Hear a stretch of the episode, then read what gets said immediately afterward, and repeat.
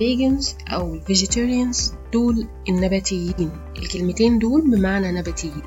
يعني إيه نباتيين؟ يعني ما بياكلش لحمة ما بياكلش دجاج ما بياكلش سمك ما بياكلش منتجات ألبان ما بياكلش بيض.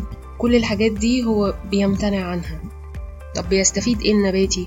بيستفيد زيادة مستوى الطاقة بتاعته بيستفيد صحة أفضل بيستفيد جهاز مناعة أقوى وكمان فايدة في التكاليف. تكاليف الغذاء بتبقى أقل. بس دايما النظام النباتي متهم إنه بيفتقد عنصر البروتين.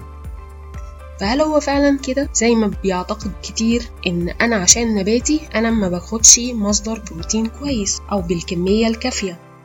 تعالوا بقى هنا هنقول أطعمة غنية بالبروتين. لو أنت نباتي أو بتفكر تحول نظامك لنظام نباتي أو معظمه يكون نباتي وخايف من فقد البروتين أنا هنا هطمنك وهقولك على المصادر لأطعمة نباتية وغنية بالبروتين. يلا معايا.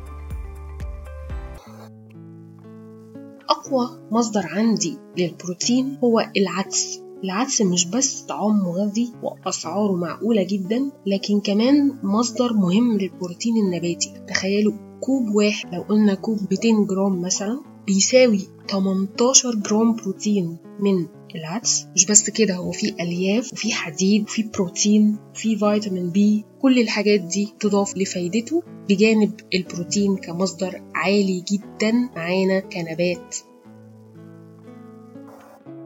تاني مصدر معانا هنتكلم عنه هو الخميرة. الخميرة فيها لو قلت 20 جرام من الخميرة بيساوي 16 جرام بروتين.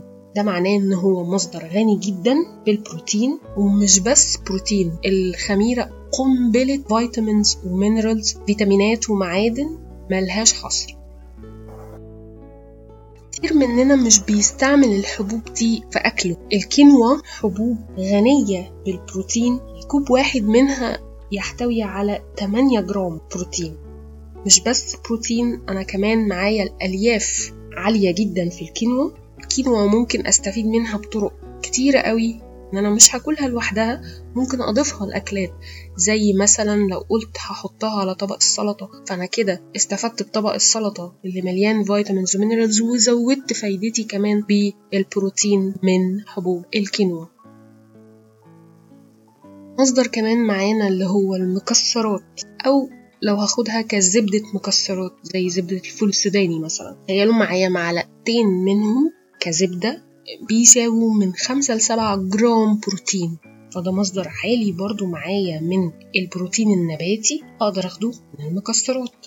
مش بيديني بس بروتين بيديني كمان ألياف عالية جدا بيديني دهون نباتية صحية كمان بيديني إحساس بالشبع عالي جدا. مكسرات ممكن أضيفها لوجبة الشوفان الصبح كمثال إزاي أستغل المكسرات. كمان ممكن أحطها في النص أز سناك وآخد الجرعة بتاعتي تبقى كبشة كده بالمعنى المتعارف عليه.